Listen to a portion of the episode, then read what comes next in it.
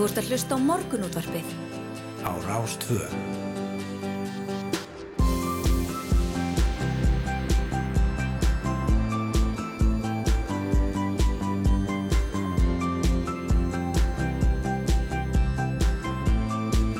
Morgunútvarpið Á Rástvö. Jú, komið sæl og blessuð morgunundorfið heldur hér af stað þriðdægin 5. apríl og hér sitja Snæður og Söndardóttir og Hulda Gerstóttir. Ég ætlaði að segja mars. Já, ég, ég var að vona myndi segja mæ vegna þess að veturinn kom aftur í já, Við vorum svona farin að að horfa í vorið og, og, og smá bjarsinni í manni en, en það er ekki alveg, alveg komið þákað, fyrir nú betur yfir, yfir það á eittir. Já, fyrir ykkur sem að eruð að vakna á höfuborgarsvæðinu þá er það er ekki alkvít yfir en það er samt kvít yfir. Já, það, það snjóaði svona svolítið í gerkvöldi, bara svona alvöru flygsum og hérna í morgun er svona eins og segir föl yfir eh, hér á höfuborgarsvæðinu að minnstakosti. En uh, við ætlum að koma víða við í dag eins og við gerum alltaf, það er þriðjudagur og þriðjudagum fáum við alltaf fróðleik og í dag er það vísinda fróðleikur Sævar Helgi Bragason kemur til okkar með sinn hálsmánalega fróðleik alltaf eitthvað forvinnilegt þar, hann kemur undir lókþáttar. Einmitt, gaman að því. Glæðskapur Framsunaflokksins að búna að þingja 15 fór heldur betur úr böndunum en eitt umtalaðasta atvikið var sannarlega þegar Sigur Ingi Jóhansson innviðar á þeirra gerði húðlit framkvæmdastjóra bandarsamtakana að umfyllunarefn sínu og kallaði hana þá svörtu. Við ætlum að ræða þetta mál við Brynju Dan Gunnarsdóttur var að þingkonu Framsunaflokksins og Kristínu Loftsdóttur, prófessor við Háskóla Íslands en hún hefur rannsakað kynþáttafordum á Íslandi og byrtingamenn þeirra um langa hríð. Já, þær verða hjá okkur um hálf nýju og svo er það uh, nýtt útlendingafrumvar sem við höfum nú fjallað svolítið um. Já, við höfum einmitt fjallað svolítið um það. Það hefur verið bíker frá Jónu Gunnarssoni dómsmálaráðara á kjörtímabilinu og um tíma var í því heimil til að skikka hælisleitindur í lækninskoðun hér á landi með það að aukna með að senda þar svo úr landi að henni lokinni. En eitt og annað úr frumvarpströgunum hefur jáfnframt verið mjög gaggrind. Nú er búið að snikka þetta frumvarp til, breyta fyrirnefndri heimildum lækninskoðun til að mynda og, og Jón á vona því að það verði samþygt á vorþinginu það er búið að afgreða það út úr ríkistjórnarflokkunum þannig að, að hérna, það lítur út fyrir það sem meiruluti fyrir þessu frumvarpi Andris Ingi Jónsson, þingmaður Pírata var aftur á móti harð orður á alþingi í gær og lísti frumvarpinu hreinlega sem ógeðslegu. Og hann verður gestur okkar upp úr hlugan átta til þess að segja okkur, já, sína skoðan á því. Já, og eins og ég sagði þá vorum við rétt búnar að ákveða fjallum vorverkin í garðinum þegar að fóra að snjóa í gær en við gefum það samt ekki eftir og ætlum að forvittnast um hvað, ef eitthvað, er hægt að byrja að gera til að undirbúa garðin og gróðurinn fyrir sumarið og til þess fá við uh, Vilmund Hansen sem að veit uh, allt um þetta og hann ætlar að fræða okkur um vorverki í íslenskri veðráttu. Hann kom til okkar í februar því þá var svona sáningartíminn Mm -hmm. fór aðeins yfir hvaða blómur vinsæl og allt þetta en núna er komið að, að því að taka upp skóplunum. Já. En þetta stendur líka til að skerða þjónustu strætó vegna aðhalds aðgerða í rekstri fyrirtækisins. Tekjur strætó hafa mingað um alltaf 1,5 miljard króna á síðustu tveimur árum, mæntalega vegna COVID-19 faraldursins. Og við ætlum að ræða við Jóhannes Svavar Rúnarsson, framkvæmdastjóra strætó, um áhrif þessa nótundur og nýtt greiðslukerfi, klapp, sem hann segir, sem hann segir ekki spila inn í þessa ákvörun. Nei, og við ætlum að byrja kortur yfir sjö eða svo á því að heyra af nýsköpunar og frumkvöðlaháttíðinni Iceland Innovation Week eins og hún er kolluð upp á ennsku. Hún fer fram í þriðja sinn í næsta mánuði og þetta er mikill markasgluggi íslenskrar nýsköpunar og þetta er ætlað frumkvöðlum og stopnunum og fyrirtækjum og þau koma til okkar, Etta Konráðsdóttir frá nýsköpunarvikunni og Andri Heiðar Kristinsson, frangvatastjóri hjá Stafrænu Íslandi en Stafrænt Íslandi er eitt þáttakanda í þessari viku og þau ætla að ræða þessa miklu hátíð og þá möguleika sem að hún getur opnað. Emitt, ef við kíkja hans í blöðun, Hulda. Jú. Hér uh, á farsíðu fréttablaðsins er frétt undir fyrirsögninni einn versta orkunýting heims er á Íslandi. Orkunýting Íslandingar eins og versta meðal þjóða heims en ástæðan og segir framkvæmdastur landvenda þeirra þá að forgangsröðunni orku sölu sé engin á Íslandi. Uh, árið 2020 var ríflega 37% meiri raforkusala til gagnavera en til samtals allra heimila á Íslandi samkvæmt tölum orkustofnunar og af þeirri raforku sem fer til gagnavera fyrir stór hluti í að grafa eftir rafmyndum. Þetta þýðir með öðrum orðum að meiri raforka fer til gagnavera á Íslandi en sem nefnur orkunni til allra heimila landsins, allra sjúkurhúsa, alla heimila og kirkna, allra leikskóla, grunnskóla, framhaldsskóla og háskóla, svo og allra skipa í höfnum landsins. Það er Já. ekkert smáraði.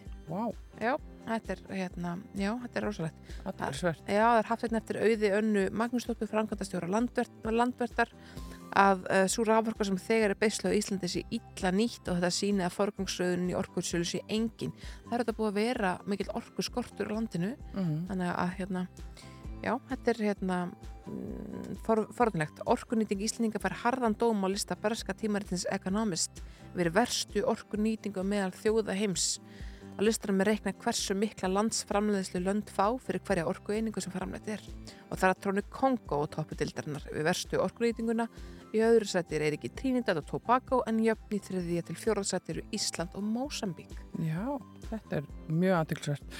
Á forsýðum okkans er ímislegt, það er uh, hér vísað í umfjöllunin í blaðinu um Grammy-velunin hennar Díselu, frábæra árangur þar og uh, svo er hér skemmtileg mynd líka af uh, breska flugmóðskipinu Prince of Wales, eða þar að segja að það eru hapsugumenn hér að síga um borð úr þyrlu. Uh, Þeir Gísli Jóhann Halsson og Jósef Ægir Stefánsson, þeir voru fluttur um borð með þyrlu landhelgiskeslunar til þess að, að hjálpa þeim til hafnar og það gekk alltaf óskum og síðan er hér verið að tala um bætta þjónustu við úkrainst flóttafólk á fórsíðunni líka. Gilvi Þór Þorstinsson snúin til starfa eftir COVID, fylgdumst með honum í COVID-in á Facebook, hann, hann fekk alveg að finna fyrir því, elsku kallinn, eftir öll þessa, alla þessa mánuði í, í á sótarnarhóteli að sleppa Já. þar. Svo, svo hérna, fær hann smá frí og þá dettur, hann í COVID. En hann er komin að stað aftur, mynda honum hérna. Og það er sem sagt móttökum miðstu umsækjenda um alþjóðlega vend var formlega opnuð í gæri þar sem Dómus Medica var áður til húsa. Og þarna verður opið á milli klukkan 8 á fjögur alla virka daga og staðsettir fulltrúar frá útlendingastofnun, lauruglu, heilsugjæslu og fjölmenningarsetrinu og alls hafa alls sóttu 602 einstaklingar með tengsli Úkrænum alþjóðlega vend hér á landi á tímabilinu 24. februar til 4. apríl. Mm, einmitt. Hér er frétt á síðu 2 í fréttablaðinu um uh, að Gísli Örd Garðarsson, leikari, hann er búin að hlaupa meir en 100 kílometra í síningunni Ég hleyp í borgarleikursunu. Vel gert? Já, hann hleypur um, að meðaltali um 12 kílometra í hverri síningu.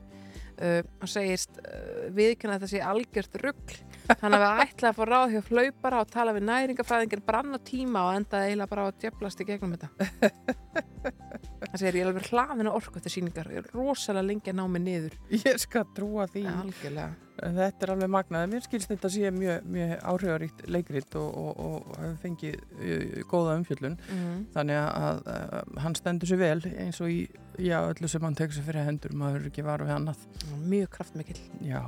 Nú, svo er hér á fórsíðum okkans líka vísað í Joe Biden bandarækjafósetta sem að kallaði gæri eftir því að rétta yrði við Latimir Putin, Rúslandsfósetta sem stríðsklæpamanni vegna morða rúsa og saklusum borgurum í, í Bútsja og fari hérna nánar í, í gegnum þetta. En við ætlum að fara að huga að fréttum frá fréttastofunni, Eh, færum okkur þangað núna og fáum fréttir á slæginu klukkan eh, sjö og að þeim loknum snúum við aftur í morgun útarpið og höldum áfram með fjölbreytta dagskrá dagsins í dag. Þú ert að hlusta á morgunútvarpið. á Rástvö.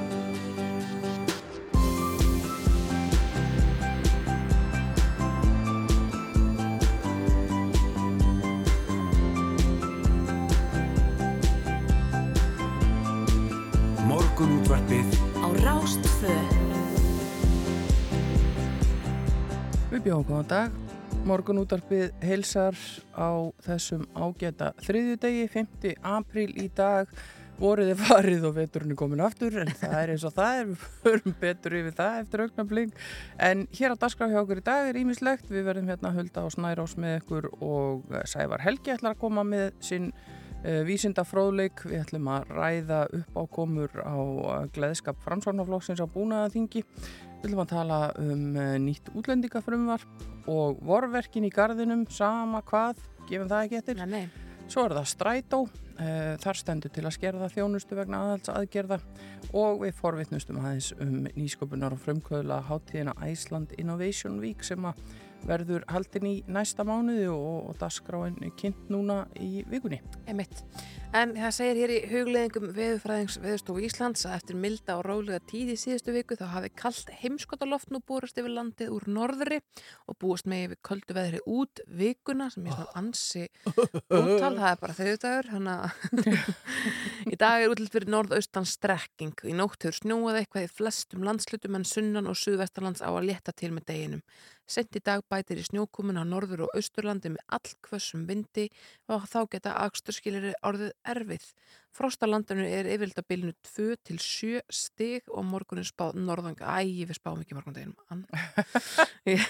Stoppar. Já, bara stopp. Það lítur bara ekkit vel út og það er bláa tölur hringin ykkur um landið. Mm. Uh, hér í hádeginu kaldast í bólangavíkinni minni og, og hérna og svo svona bara ykkur um óbyðum. það er aðeins kaldara en að öðru leiti þá er þetta svona mínus, tvær, þrjár, fjórar gráður hérna í hátteginu og svo bara kólnar þetta sem líður á. Já, já, gefið ykkur tíma til þess að, að, svona rétt skafa þar sem þarf og, og fara í úlpuna. Já. Það er úlpudagur í dag og á við veðagerðarinn að segja að það sé vetrafæri víða um land eftir nóttina og á höfuborgarsvæðinu eru hálkublettir mjög víða og, og ekki síst á, á gangstígum. Ég fann fyrir því þegar ég fór út í morgun Þannig farið nú valega svo þið dettið ekki. Nú það er hálka á flestum leiðum og snjóþekja á helliseiði á Suðurlandi og uh, hólur víða og uh, á Kjalanesi er Esjuvegur nr. 4560 lokaður meðlega afleggjara díahlýð vegna framkvæmda og þetta verður svona út uh, þessa viku eða fram að helgi. Nú á uh, Vesturlandi þar eru þessar uh, slitlags skemdir í dölunum og uh, ójafn vegur um borgarfjörðarbraut, þetta er vegna framkvæmda og á vestfjörðum eru ófært um stengriðsfjörðar heiði og þröskulda snjóþykja eða hálka mjög víða og ófært norður í Árnesrepp og þar hefur víða runnið úr vegi og vegfærandur beðnur um að aka valega. Mm -hmm. Það er hálka á auksnadalsheyðinni, annars snjóþekja á hálkublettir nokkuð víða fyrir norðan, þungfært og skafrinningur á Siglufjörðavegi og svo er snjóð þekja með norðausturströndinni en hálkaða hálkublettir á flestum leiðum inn til landsins.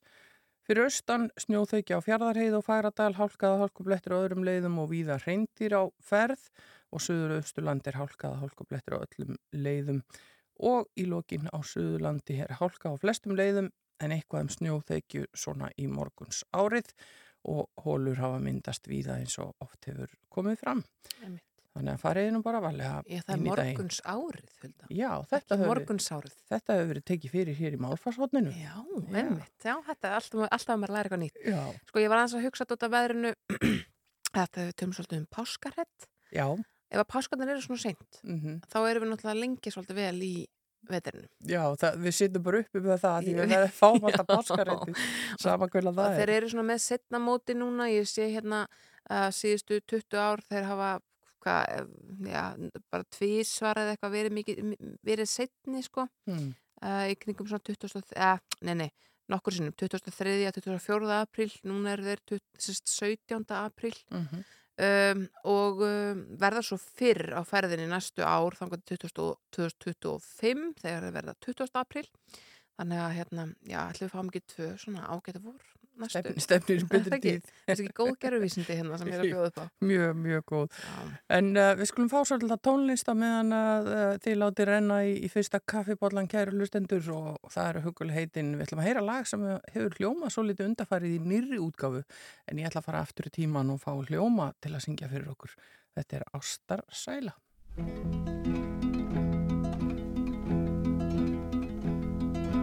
Legð aftur augun þín skær Ástinn mín dagur er fjær. Svo vil ég vaka þér hjá. Vernda þig ef að ég má. Er ég horf á þig hittnar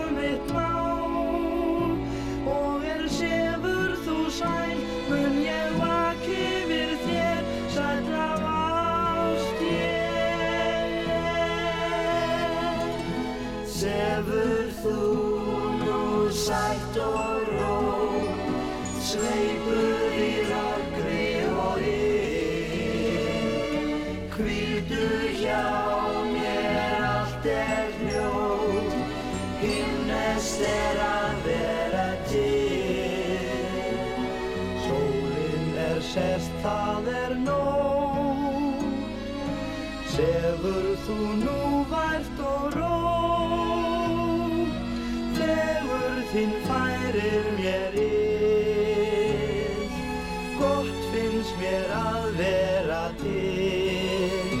Litlum kossi ég lauslega stel, lítinn þjófnað ég kossin þann tel.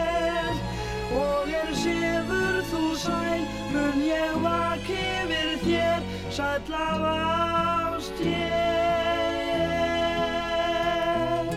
Sefur þú nú sætt og rótt, sveipur í röggri og yl. Hvíldu hjá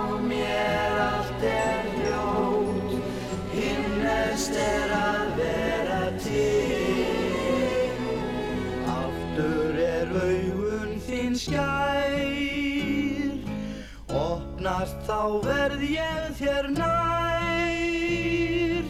Vernda þig áfram ég vil, veita þér sælu og ill. Öðrum kossi þá aftur ég stel,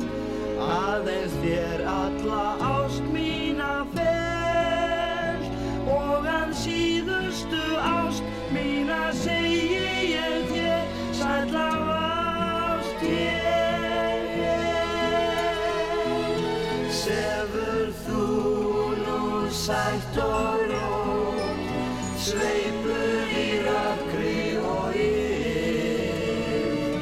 Hvíldu hjá mér, allt er hljótt, himnest er að vera til.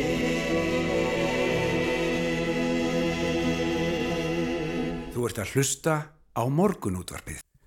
Herðu huld að ég rak augun hér í frétt á vef BBC um það að Britney Spears, popsöngkonan Knáa, ætlaði að gefa út uh, æfirsögu sína.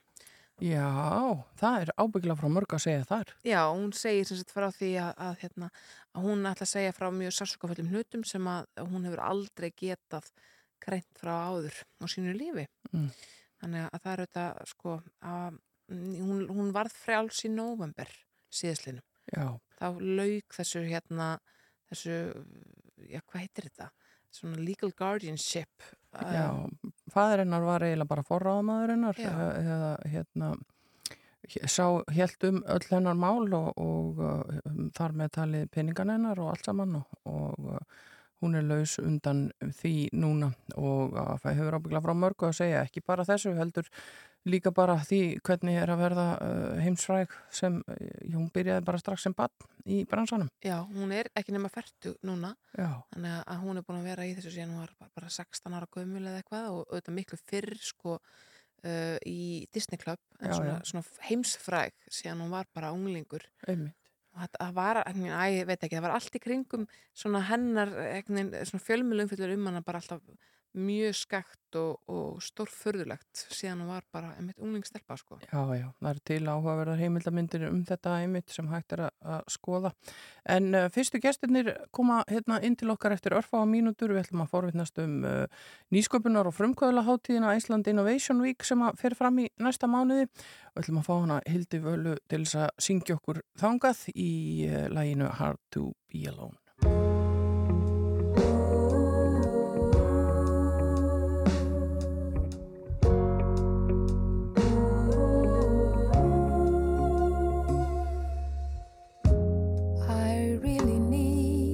Ask a question. But you have to promise to speak right out.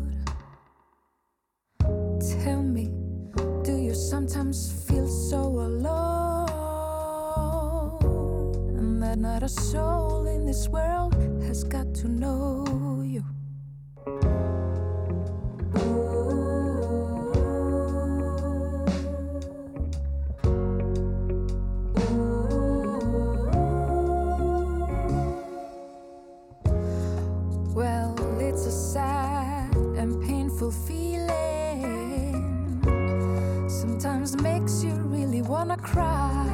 wanna cry.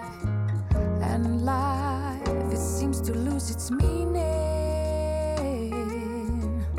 That's enough to make a strong man wanna die. wanna die. Cause it's hard.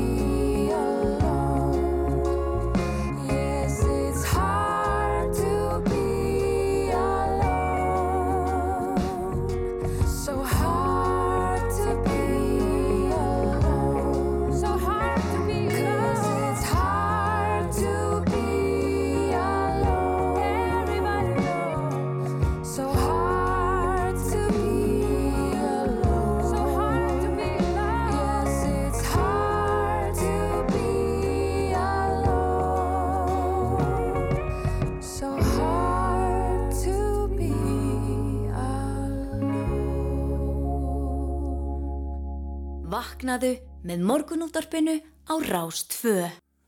Allir snar vaknaðir hér og til í daginn og fyrstu gestir komnir í hús. Við ætlum að ræða um nýsköpunar og frumkvöðlega hátíðina Iceland Innovation Week sem að fer fram í þriðja sinn í næsta mánuði. Þetta er mikill markasgluggi íslenskrar nýsköpunar og ætlað frumkvöðlum, stopnunum og fyrirtækjum og þau eru komin til okkar Edda Konradsdóttir sem er einn þeirra sem stendur að baki nýsköpunarvikunni og, og, og stopnaði hana og Andri Heiðar Kristinsson frangatastjóri á Stafrænu Íslandi uh, sem er einn þáttakanda í vikunni í þetta skipti við ætlum að ræða eins um þetta. Velkomin, gaman að fá okkur. Takk fyrir. Takk fyrir. Edda, þú byrja kannski bara að segja okkur aðeins uh, frá þessu, bara, hva, hvaða fyrirbæri er þetta? Mm Jú, nýsköpunarvikan er sérsagt hátíð til þess að fagna nýsköpun í allri sinni mynd. Og við stopnum þessa hátíð á sínum tíma til þess að, eins og þú nefndir aðan, vera svona þessi markasklöki nýsköpunar og íslenskrar nýsköpunar. Um, og okkur fannst bara vanta þennan ívent hérna heima á Íslandi, við höfum hort mikið til Norðurlandana og sótt aðrar hátíðir þar, mm -hmm. þar sem maður getur kynnt sér hvað er í gangi þar og, og ekki endilega bara einan sko frumkvöla og sprótafyrirtækja heldur líka einmitt innan stóra fyrirtækja og, og að það sé ennþá nýsköpun innan stærri og rótgróna fyrirtækja sem, a, sem að við kannski þekkjum hérna heima eins og Marel og Össur og fleiri sem er ennþá í byllandi nýsköpun en síðan líka kannski varpa ljósi á nýsköpun innan bara uppenbæra stjórnsýslu eða innan fyrirtækja bara eins og banka eða tryggingafélag mm. og fleira. Mm. Þannig að við svona ákveðum að búa til, búa til þennan vettvang og það er þessi nýsköpunavika og hún er svona þáttöku, háttíð. Það sem að fyrirtækin standa fyrir sínum eigin viðbyrðum, opna sínartir, uh, eru kannski með happy hour eða morguverð eða, eða einhvern formlegan viðbyrð og eru að segja frá innan hús nýsköpun hjá sér eða einhverjum verkefnum sem að þau eru að leiða. Mm -hmm. Þannig að þetta er ekki eitthvað svona sem er bara á einum stað? Nei, þetta er einmitt ekki bundi við eitthvað eitt hús eða rástefnusal eh, en við höfum þó verið mjög tengd inn í til dæmis grósku í Vassmýrinni eh, og, og okkar heimili er hérna inn á vísindagörðum þar. Þannig eins og fyrsti dagur hátíðarinnar, hann verður svona kick-off dagur, verður inn í grósku um, og svo verður við líka inn í hörpu á miðvíkudeginum.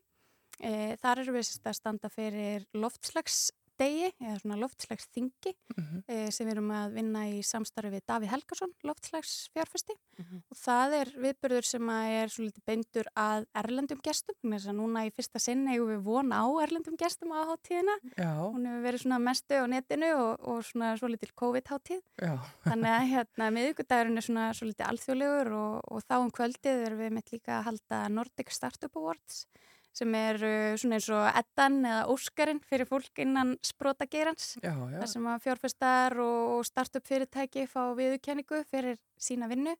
Þannig að það er, þa þessi dagskráverðin í hörpu og mánudagurinn verður svolítið inn í grósku en síðan yfir alla vikuna þá eru bara viðbyrður út um allan bæ og, og í raun og veru um allt Ísland. Það er meira þess að hérna, norðan átt fyrir norðan verður að með leitina að norðansbrótanum þannig að Já, já. það er ímislegt. nýbúið að vera mikill viðburður hjá þeim, Jú, uh, einmitt. hjá Norðanátt. Já, hvernig verðlunum maður fyrir nýsköpun?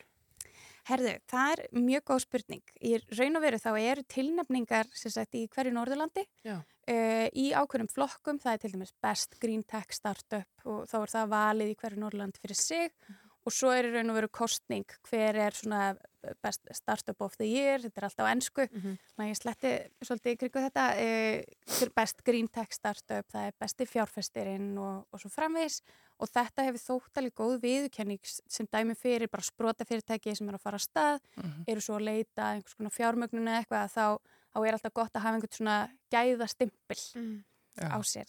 Andri, en, en sko stafrænt Ísland, uh, þar hefur verið náttúrulega alls konar nýsköpun í gangi og við höfum nú heyrt af nokkurum verkefna se- sem þið hafið sett í, í gang og skapað.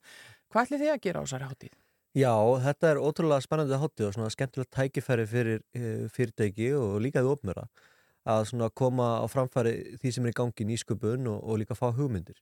Og við þjóðstafurinn í Ísland ætlum að vera með viðbjörn sem við kallum GovJam og hérna ætlum að svona leika þess að fingur fram og hérna fá fólk og, og, og hugmyndasmiði með okkur í því að hjálpa okkur að finna hugmyndir hvar við höfum að, að, að svona ráðast á næstu verkefni og koma nýjar hugmyndir og, og vegna þess að, að, að uh, þegar þú ert að vinna hjá hennu ofnbæra þá ert ekkert endilega alltaf bestur í því að finna hugmyndir Nei, þannig að- að við viljum aðeins fá virkja fólk, fólki með okkur og fá að heyra sögur og vandamál og tækifæri og, og nýjar hugmyndir um það hvað við getum gert og. Og, hvernig við getum stuðla að stafrætnu umbreytingu fyrir ofnbæra, bætt þjónustu og, og stuðla að nýskumum það er einmitt eins og segir, það er kannski ekki það fyrsta sem hann er dettur í hug þegar maður hugsa svona einhvern veginn um ofinbera batterið að þar sé eitthvað mikil gróskaða nýsköpun í gangi en, en það er alls konar verkefni Já, það er alls konar verkefni og það er kannski stundum þannig að það sem að þú, það sem að maður heldur einmitt, ég er alveg sammálaðir maður horfir ekki og hugsa hérna ofnbæra og hugsa nýsköpun í sama orði en það eru oft mestu tækifæri Já. Það eru, hérna, það eru rosalega mikil tækifæri til að gera betur hjá hennu ofnbæra í ýmsum málum og nýsköpun eru þetta til þess að gera betur. Mhm. finna nýjar hugmyndir, nýjar aðfyrir nýjar, ný tæki og tól og, og svo frammeðis og, og þannig að það verða bæði verið við með viðbörðin síðan verður líka nýsköpun dagur eins og ofnbæra, ríkiskaup verður með flottan viðbörð, við erum að reyna að virkja það að ofnbæra stopnunni kaupi meira af þjónustu og nýjum hugmyndum hjá nýsköpunafyrirtækjum og sprotum. Og þannig að þetta verður svona fjölbreytt bæði að fá hugmyndir en líka sína svolítið hvað við verða að vinna að Getur þú nefnt okkur eitthvað svona staf, stafrana byltingu sem að almenningum mun finna fyrir hjá hann ofnbæra á næstu mánuðum eða árum? Já, já, já, það er ótrúlega margt í gangi. Sko, ég, kannski efst á dög- dögun hjá mér er að við vorum að setja í loftið nýtt app, Ísland.is appið Mhm. og þar segi ég að þar getur við verið með ríkið í vasanum Einmitt. og hérna átt að fá svona öll þín skilabóð helstu og getur sótt um upplýsingar og, og þar munur svona smá saman bætast við öll, öll svona helstu stafran skýrtinni hjá nómbera Mhm. að við erum að skoða að þar komin til að mynda örorku skýrtinni, skotvopna skýrtinni og svona ímiskona fleiri skýrtinni stafran sem að fólk getur þá verið með í vasanum Mm. þannig að það er svona kannski það stóra á döfunu og svo er náttúrulega þetta fjölmörg verkefni þvert á ríki sem að við erum að vinna að. Já, en eh, fyrir hverja er þetta? þetta? Er þetta bara einhverjum sem er bóðið eða með allir fylgjast með þessu? Hvernig virkar þetta?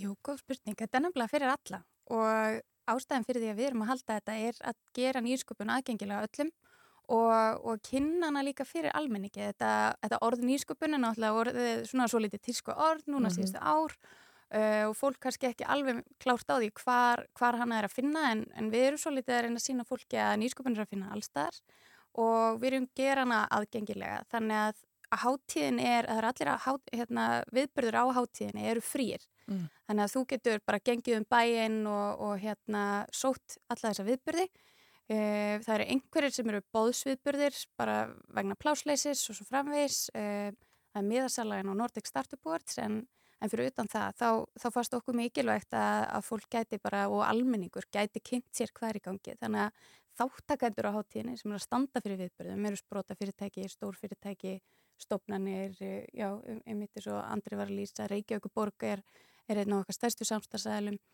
Þannig að hérna, okkur finnst bara mikilvægt að, að fólk geti komið og, og kynnt sér hvað er í gangi og, og svo er, verða líka erlendir gestir í ár sem við erum mjög spennt fyrir. Þannig að það er svona liður í, í, í þessu að við séum að færa nafnið á, á vikunni úr nýsköpunarvikan yfir í Æsland Innovation Week. Það er Mm. svona, svona alþjóðlegt skref Já, og, og margir alþjóða vikur á ennsku. Og, já. Já, það er auðvitað að fylgjast með þessu öllu saman á netinu, þar slæðir fólk bara inn Iceland Innovation Week og þá kemur þetta allt saman upp og, þeir eru á Facebook kannski líka og já, já, Instagram. á, og ég, bara ekki að spurja því. Uh, spennandi viðburður uh, framundan í mæ og uh, allir kvættir til að kynna sér þetta því hátíðin er opin öllum.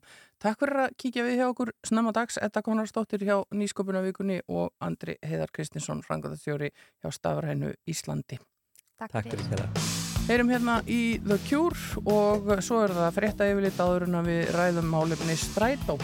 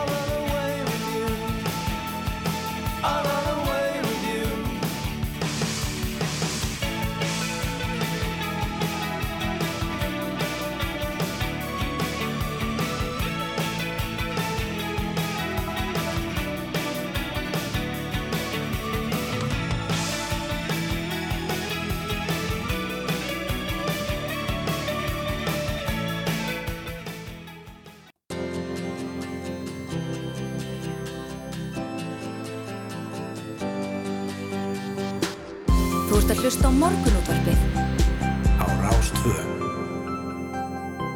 Jú, jú, uh, yfirlitið að baki og áframhaldum við hér í morgunútvarpinu. Það stendur til að skerða þjónustu hjá hinnum stóra gula, það er að segja strætó vegna aðhalds aðgerða í rekstri fyrirtækisins. Hann er komininga til okkar Jóhannes Svavar Rúnarsson, framkvæmdastjóri strætó. Þetta ræða við okkur um uh, já, þennan fyrirhugaða niðurskurð en tekjur fyrirtækisins hafa minkað um alltaf 1,5 miljard króna á síðustu tveimur árum. Vertu velkomin Jóhannes. Já, takk fyrir. Sko, COVID-19 faraldurinn, uh, hann auðvitað lék ykkur grátt, það er Mhm. auðljóst, 1,5 miljardur er engin smá summa, um, en horfur ekkert í betri vegar, hafði ekki verið hægt að koma í veg fyrir niðurskur með því að, að hérna, bara svona býta á jakslinni í, í smá stundu viðbútt.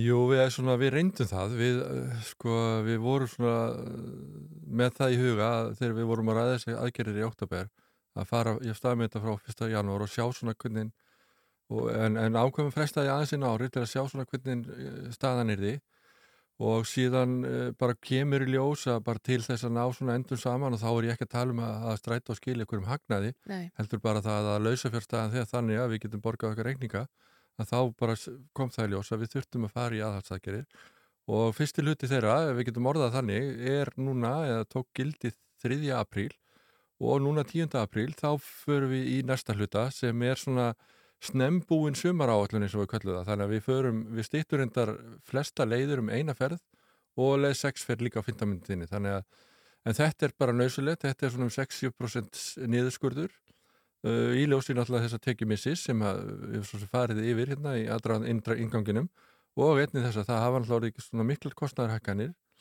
Ólíðan hefur náttúrulega rókið fyrir öllu valdi eins og Já. allir þekkja og síðan kom vinnutímastýtting og hún kostaði okkur um 350 miljónir og, og allt þetta svona held, helst í hendur þannig að við urðum bara að grípa til þessar aðgerða sem er þetta mjög dabulegt svona á þessum tímum sem við erum að reyna að sækja Mm. fram Já, þetta, En- ta, þetta, tala, þetta er ekki alveg í syngi maður getur orðað að þannig svona stefnan í, í samgangumálum og svo það að draga úr þjónustu uh, einu almenningssamgangnana sem er í bóði. Já, já, þetta er, það er alveg, þetta get alveg tekið undir það, þetta er ekki alveg í syngi en þetta var sko alveg nöðsilegt og, og þú veist, það er ekki kvarti við því að eigundur sem eru þá bæjarfélagin þau voru ekki að draga úr framlagi til strætó á milli árana, það Nei. bara döði ekki til vegna, vegna þessara tvekja mála sem við fórum aðeins yfir hérna. Mm. og ríkið hefur líka komið inn í rekstur almenni samgangna fengum reyndar smá styrkjaðum á síðast ári vorum svona vonast til aðeins meiri en fengum einn tíunda því sem við svona vonumst til.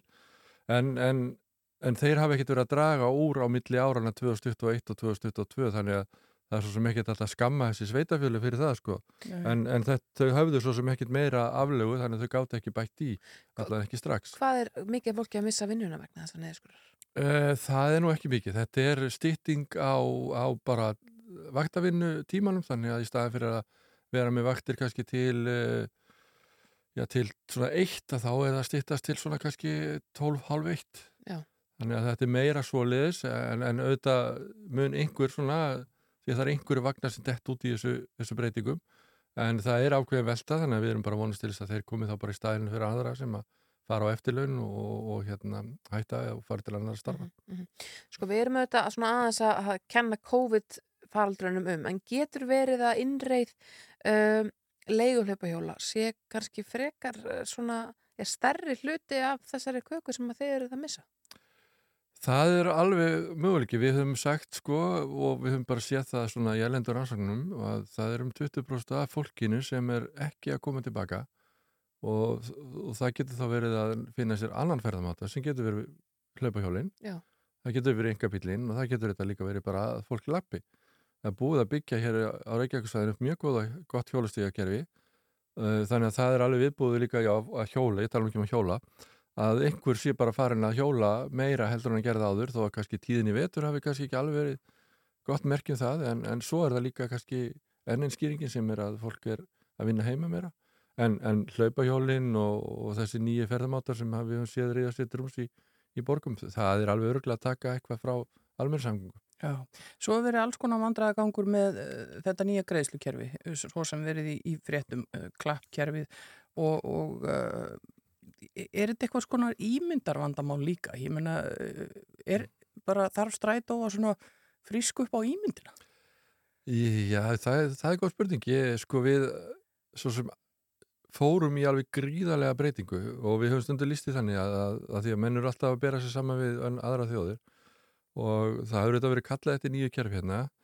Aðra þjóðir hafa svona farið úr einu kerfi í annað og næsta kerfi og næsta kerfi og næsta kerfi svona aðlaga þannig að fólki í þe þeim borgum er náttúrulega búið að aðlaga svona nýjum tímum, nýjum greiðslumátum og svo leiðis en við erum að hoppa yfir kannski 30 40 kerfi ef við getum sett það uppfæstur í kerfum og fara í nýtt kerfi.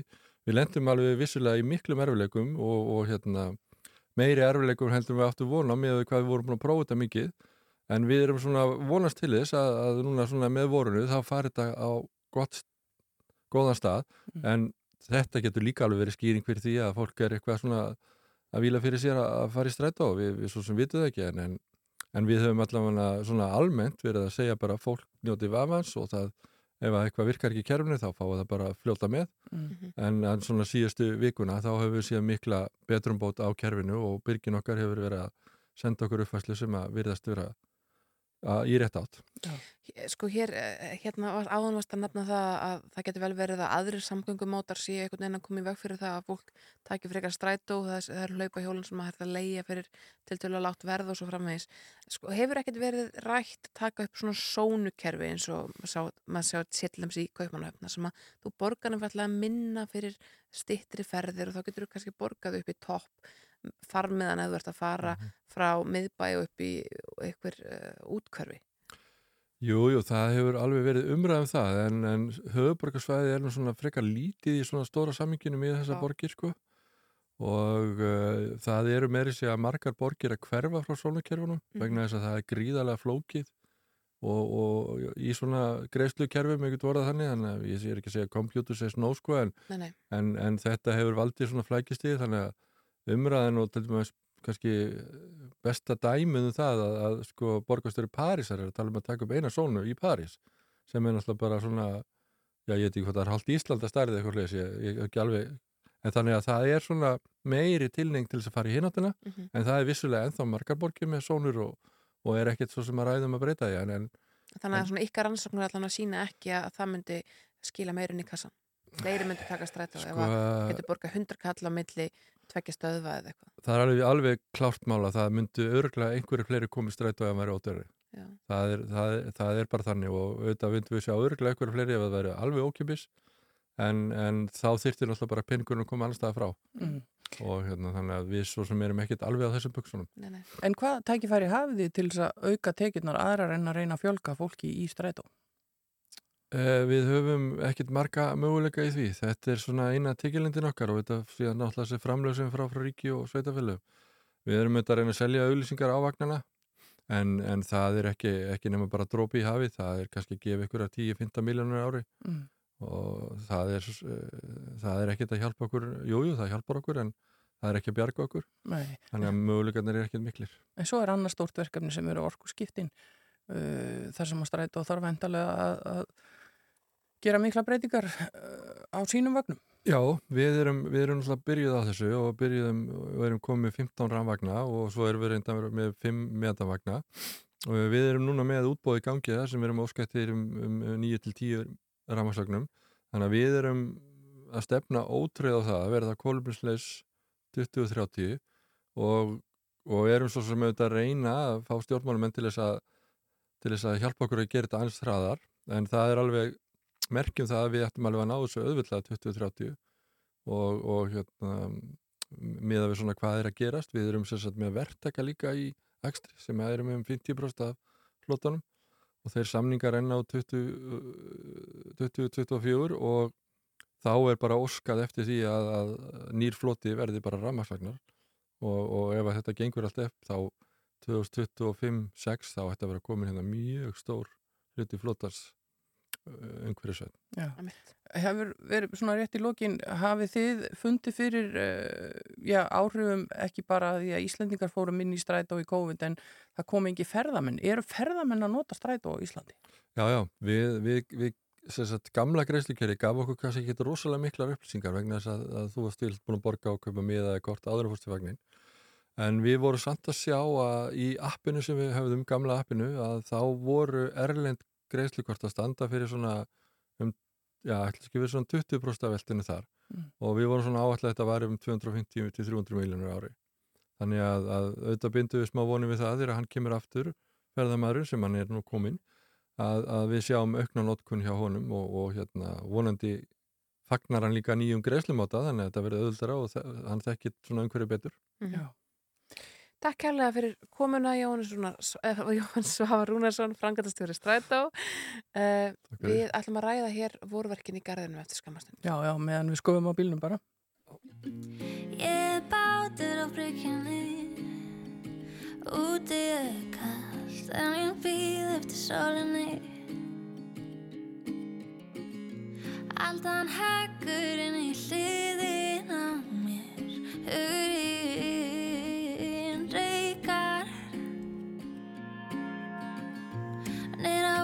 bóts ekkur ekki rið Ég tóða fast, reyni allt til að losa mig.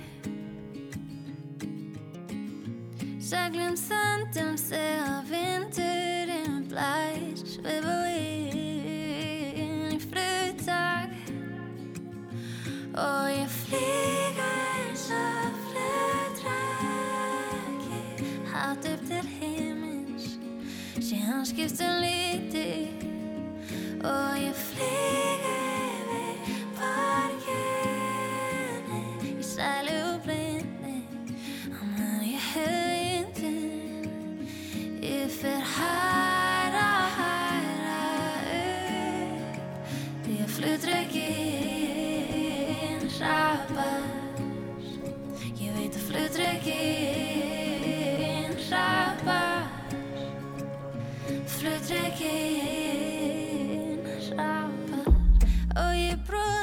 brotlend í portinu leita til þín en þú vilt dregan í loftinu Hvar er neistinn sem þú hafðir í gær? Hvar er ljósið faðalið? Vangbrotin en ég brosi með Það tekur í því ég vil ekki bröðstir Fyrir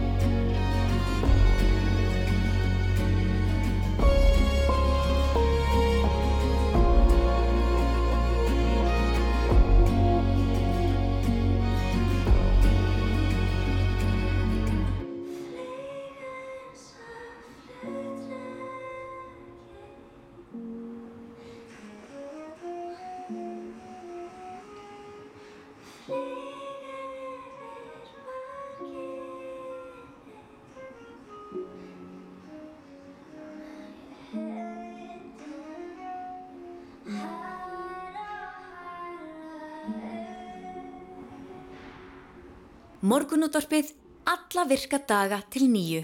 Jú, jú. Rástfö. Já, já, við erum að rástuða og við erum alla virka dag og alveg til nýju og við heitum Hulda á Snærós og við vorum rétt búin að ákveða fjallum vorverkin í garðinum í gær þegar að fóra að snjóa. Það gæti náttúrulega verið, en við ætlum ekki að gefa þetta eftir Nei, og ætlum að forvitnast um hvað, ef eitthvað, er hægt að byrja að gera til að undirbúa garðin og gróðurinn fyrir sumarið. Og kannski við spurjum líka þess út í potaplöntunar því að við getum þá allavega að vera að gera eitthvað með gróðurinn innan hús og til þess að fræða okkur um þetta er komin Vilmundur Hansen, hann veit allt um málið. Góðan daginn. Góðan dag, ég var nú einmitt að hugsa um þetta þegar ég var að skafa bílinn í morgun. Hvað ég var að gera engað, freka bjánalegt sko. Nei, nei, það er komin ástæð er er hvað er það svona, já, í byrjun april, ég minna fyrir páskalilítnar, það er bara orð sem við eigum, þannig að Já, já. hérna við hljóttum allt, já, og það er von, enn er von Það er von. Já, sko núna ef maður fyrir að skoða, skoða garðin þá sér maður að það eru komnur upp krókusar farnar að blómstra og það er jafnvel ykkur anemónur farnar að koma og svo sér maður svona glitta í, í, í túlipanna og, og, og, kvítasinu liljur og allt þetta og svo er náttúrulega núna er í raun besti tími til að fara að klippa svona klipp og snirtagarðin Já. og þá semst fari við limgerðin og, þetta svona dútla við það Já. síðan er hérna ágætt að fara að huga því að sko reyta ofan af hérna sko fjölarublöndunum taka sem sagt sölnu blöð mm. og það á maður ekki að gera fyrir vorin Nei. það er einfallega vegna þessi sölnu blöð þau hlýfa semst rótarhálsun með veturinn svona hérna á þess að ég fara að nenni að fara út í það eitthvað mjög nákvæmlega það, það er betra semst að láta þau liggja Já. síðan ef fólk er með eh, ekki, líkar ekki mosi þá er svona að fyrir að koma ástæða til þess að fara að hérna Hvernig losna maður Spila við fótbolta í garðinum, það er Sko, bara það er búið að spila fótbolta í með mér í 20 ár. Ég, það er búið að skiptum hann í heilu lægi eins og tyrfa hann upp á nýtt. Það, ég er búin að prófa allt. Já, ég er bara með mosaflut. Já, þetta hef ég, heyri ég sko hérna mörg hundru sinnum á ári þessa, þetta er spurningin og ég er nú eiginlega bara ykkur farin að segja bara, hérna, takk þetta bara í sátt Já, hætti þessu bara, hætti þessu bara Já, já. Veist, hérna, Skiptir ekki máli. að, jú, jú, ég menn það má kalka og það má hérna mosatæta og gefa áburð og sá og svona sko En virkar það eitthvað? Já, já, það virkar náttúrulega allt sko. en það sem að hérna, e, e, það sem er málið er að mosi byrjar að vaksa við 0 gráður þannig að hann hefur verið í vexti núna Já. og hann er mest ábyrrand á vorin svo þegar hitastíkið er komið upp í svona 5-6 gráður þá byrja grasið að vaksa Mm. og þá eiginlega kæfir það bara sjálfgrafa mosan svona mestu leiti ekki nema það sem að er orðin bara svona mosa þemba sko. Já. en þar er ekkert gras lengur sko. En er ástæða til þess að, að, að sá grasfræjum yfir flutina til þess að fá meira gras? ekki, ekki ef mosin er fyrir sko. Það þýðir ekki, það verður að, það verður að hérna, þá allavega að rakamburt sko. Já. og ef þið eh, takið garda eins og með mjög miklu mosa þá getið þið tekið upp svona heilu bara mosa teppin Já. og það er ekkert eftir og þá verður náttúrulega sá en einfaldast og besta leiðin er að taka þetta sátt Já, ég ætla að, ge ég er þar, ég ætla að gera það. Við tekum tek orðinu með þetta. Já, já, En, en það er óvægt að fara þá að klippa til dæmis runnana Já, og, já. og, og, og trén. já, já, já, já, já, það er besti tími núna Já. Og mér sé betra að gera það núna heldur en sinna sko. En er engin, af því að núna eins og erum við með frost, sko, er engin hætta því að ef maður klippi þá opnir maður greinina og það komist einhvern veginn leita á frost kal inn í hann? Jú, jú, það getur gerst en það er valla hérðan sko. Já, ok. það er svona frekar ef fólk er að klippa sko á haustin Mm. Já. Það, við erum komin það hérna langt inn í voru, ég er ekki að segja að þetta get ekki gerst við viðkvæmustu rósir Já. En hérna þá klippum maður bara aftur.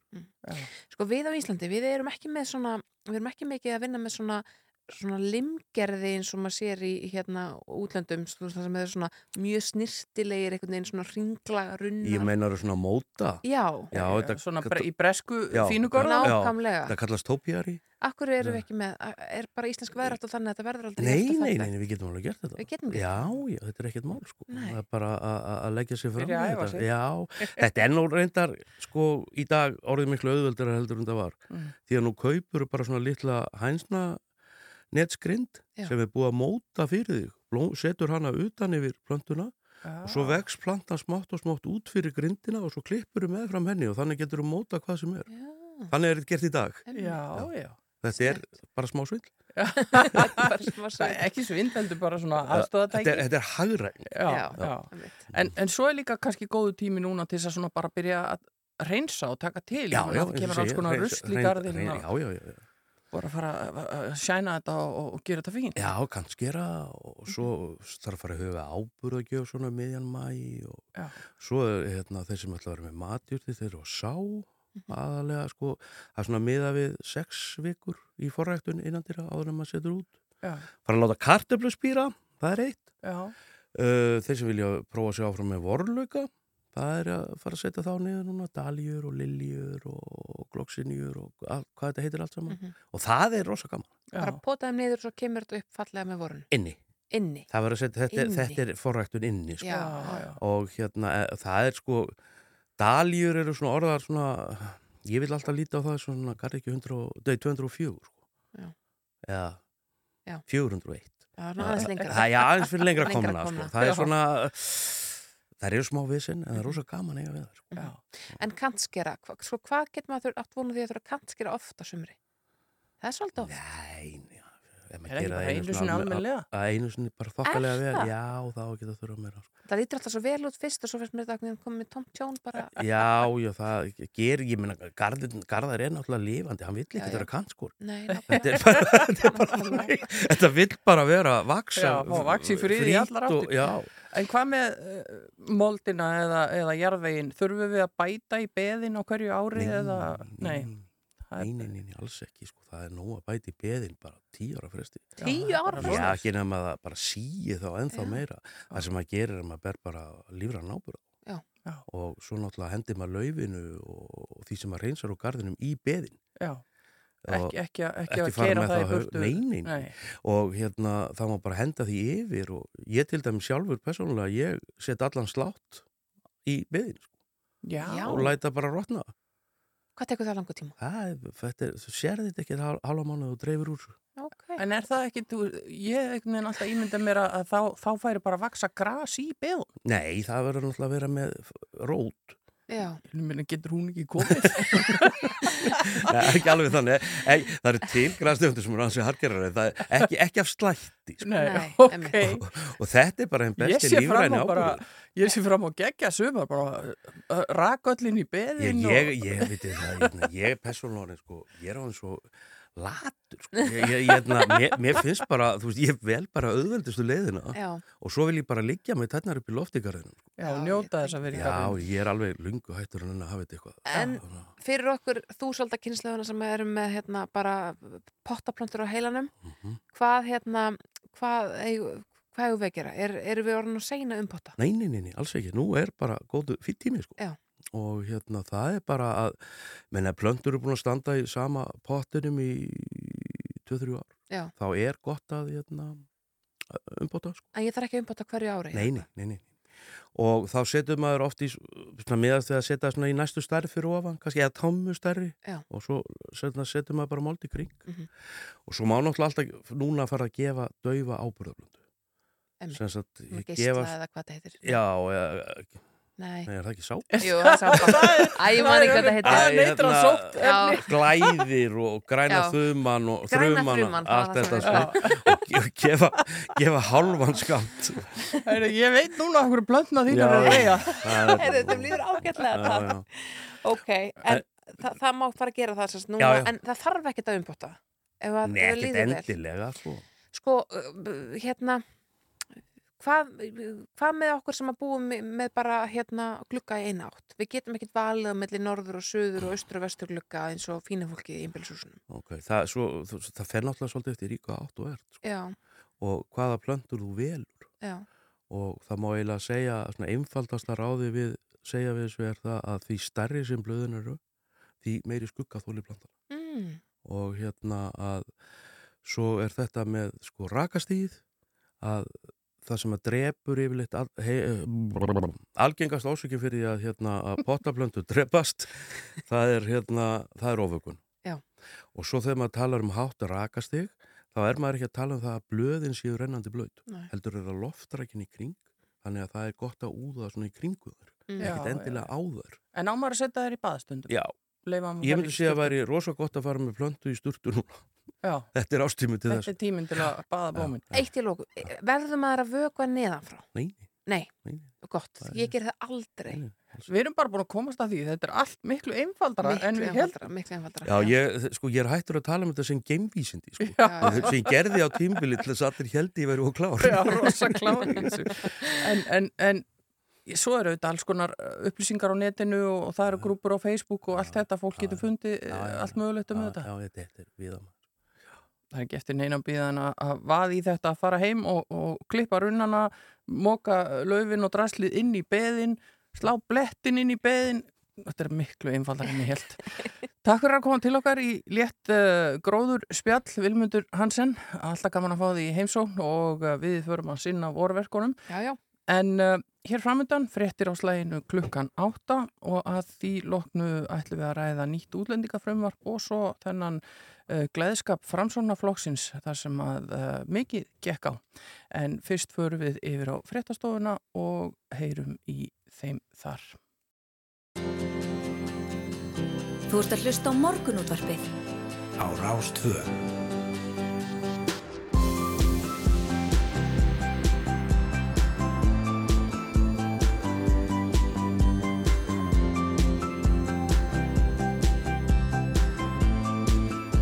Rástvö Morgunútvarpið Á Rástfö. Áfram höldum við hér í morgun útvarpinu Hulda Geistóttir og Snæra og Sindradóttir með ykkur í dag. Við höfum eftir að vera hér í tæpan klukkutíma í viðbót og við ætlum meðal annars að fá hann Sævar Helga Bragason til okkar með sinn hálsmánaðarlega vísinda fróðleik. Við ætlum líka að ræða aðeins gleðskap framsvonarflokksins á búnaðaþingi sem fór úr böndunum að því er virðist vera. Já, hvað er sagt? Fáum til okkar hana Kristínu Lofsdóttur, prófessor við Háskóla Íslands sem hefur rannsakað kynþáttafordóma á Íslandi og byrtingamind þeirra og Brynjutan Gunnarsdóttur var að þinkonu framsornaflóksins. Emitt, en við ætlum kannski að eh, já, njóta þess að heyra nokkra ljúa tóna áður, er það ekki hefðið? Jú, áður en að við förum í næsta mál, það er, eh, er eh, nýtt útlendingafrömmar og svo sem er rætt áður en nú er búið að vera að eh, vinna í því og breyta en ekki allir sáttir þráttur það. Andri Singi Jónsson þingmaða Pírata sest hjá okkur eftir augna blik. En þú talaður um ljúa tóna, ég ætla ekki að klikka á því, við fáum eh, Steppa Hilmas til þess að uppfylla þær kröfur í þessu fína lagi sem heitir Þú fer mér svo óskup vel.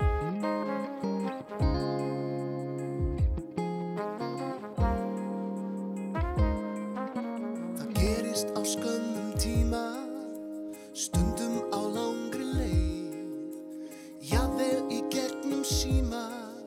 Stundum í fólksbifreið Í háloftum með á leigi Um helgar á hverfiskrá Á óbreyttum þriðju degi Er ástin að sækja á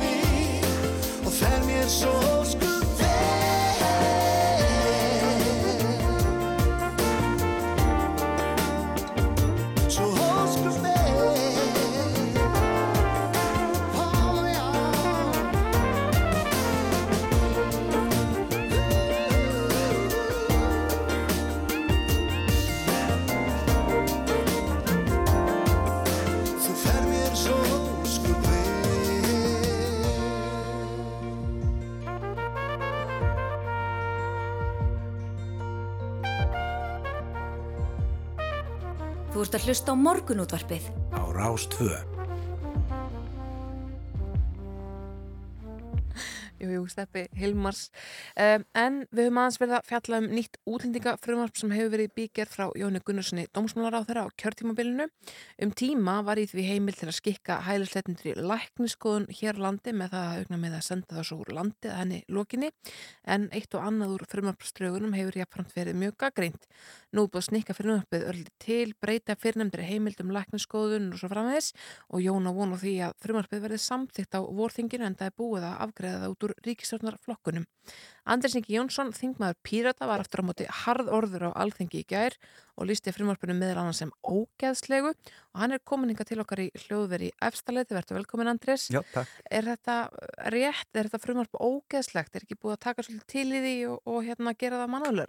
það er búið að taka til í því frá því sem var í samráðskáttin í februar Mhm. uh, og það sem var tekið út úr því voru atriði sem læknafélagið gaggrindi sérstaklega. Læknar vildu ekki vera uh, þáttakendur í mannréttabrótum valdstjórnarinnar gagvert hælisleitendum og það var orðið við þeim tilmælum. Mhm. Uh, en kjarnin í þessu frumvarpi er nákvæmlega sama og Sigurður Andersen setti í samráðskáttina 2019 og það er bara uh, hræðilega mikil afturfur í réttindum fólks og flotta. Mm.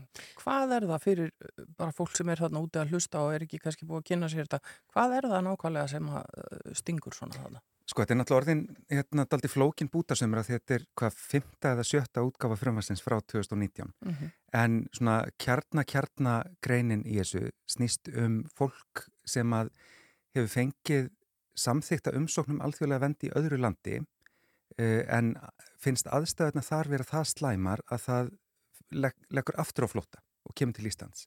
Við þekkjum þessi dæmi, þetta er fólk sem að sko býr við óviðanandi aðstæður í, í vendakerfinum á Greiklandi, í Ungarlandi og Ítalíu, svona síðstu hlutar álfunar Mm. og þessi lönd hafa sendt út sko neyðakall árum saman og bara viðurkenna það og, og segjast ekki ráða við ástandið. Þau byggja okkur hinn Evrópuríkinum að hjálpa sér og þannig erum við að tala um fólk sem að sko hefur ekki trygga framfæslu, hefur ekki sko almennlegt húsnæði, þarf að búa í flottamannabúðum lengur en eðlert getur talist, börnið er að gangi ekki í skóla, þau hafa ekki almennlega heilbreyðistjónustu, þannig að allt í einu er sko ástandið í ríkinu sem á að veita því vernd orðið uh, bara sjálfstætt vandamál. Mhm. Þannig að þau koma hingað í vonum að fá alvöru vernd uh, og það er grein í þessu frumvarpi sem að hefur verið eins og rauðu þráður í þeim öllum sem snýst um að þetta fólk sem að er með vend í öðru landi fá ekki efnismeðferð. Að sem sagt, það verði ekki litið á þeirra mál eins kyrfileg og við viljum að, að sé gert til að mannúðar sé gætt heldur verði bara svona smörð uh, endursendingavél þannig að við getum húrraðum aftur í, í óviðinandi aðstæður Mm. á Greiklandi. En hefur diplonareglugerinn ekki verið beitt svona í praxís? Er þetta eitthvað munur á því sem við höfum verið að gera, þar að segja íslensk stjórnvöld um, í áraræður? Sko það er náttúrulega, það kaltæðinslega í þessu að e, diplonareglugjörðin leifir einmitt að endursenda fólk til landsins sem það kemur fyrst til innan Evrópu Já. ef að e, það land kláraði ekki að afgreða umsókn þessum alþjóðlega vend.